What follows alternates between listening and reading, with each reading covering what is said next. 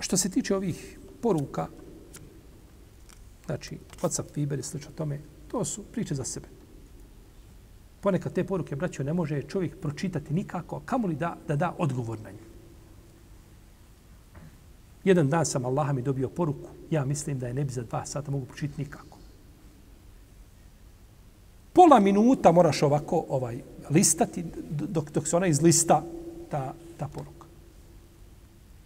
Ne, nemoguće. Ne znam kako. To je vjerojatno na, račun, na, na računar da se napiše pa da se prebaci nekako i tako kako to već ide. Ali da neko može tako osjetiti tipkati na, na, na, na Viberu, ja to ne mogu pojmiti nikako.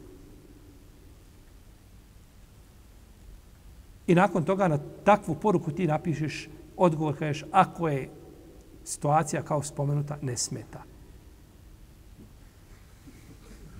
I znate šta kaže onda? Uradi. Ovo se govori što je bilo. Evo ti kaže vaši daje. Evo ti kaže vaši daje. Ja napisao poruku od metra i on kaže ne smeta. Jer i on je očekivao odgovor šta? Od metra. Ne može. Ne može Allah obrobe.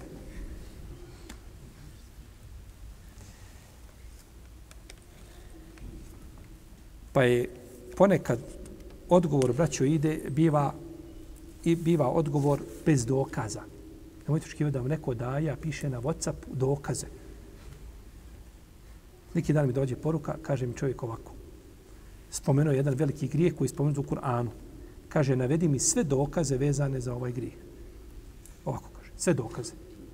Ima sigurno hadisa, po mojoj procjeni, jedno 30 do 40. I ima kuranski ajeta, jedna skupina, što direktni, što indirektni. Navedi mi sve, znači, sjedneš i uhvatiš telefon i kucaš jednom Nema potrebe. Bilo koju knjigu da se otvori, put pravog muslimana da se otvori, tamo bi našao pitanje zabrana tog grijeha. Mogu se otvoriti i naći bilo gdje. Ali samo po sebi tražiti, spomeni mi sve dokaze koje imaju je absurdno. Zato kažemo, braćo, šeh Albani je to govorio, kaže, onaj ko želi istinu, njemu je dovoljen jedan dokaz. Ako neće istinu, kaže, ni sto dokaza mu ne vrijedi.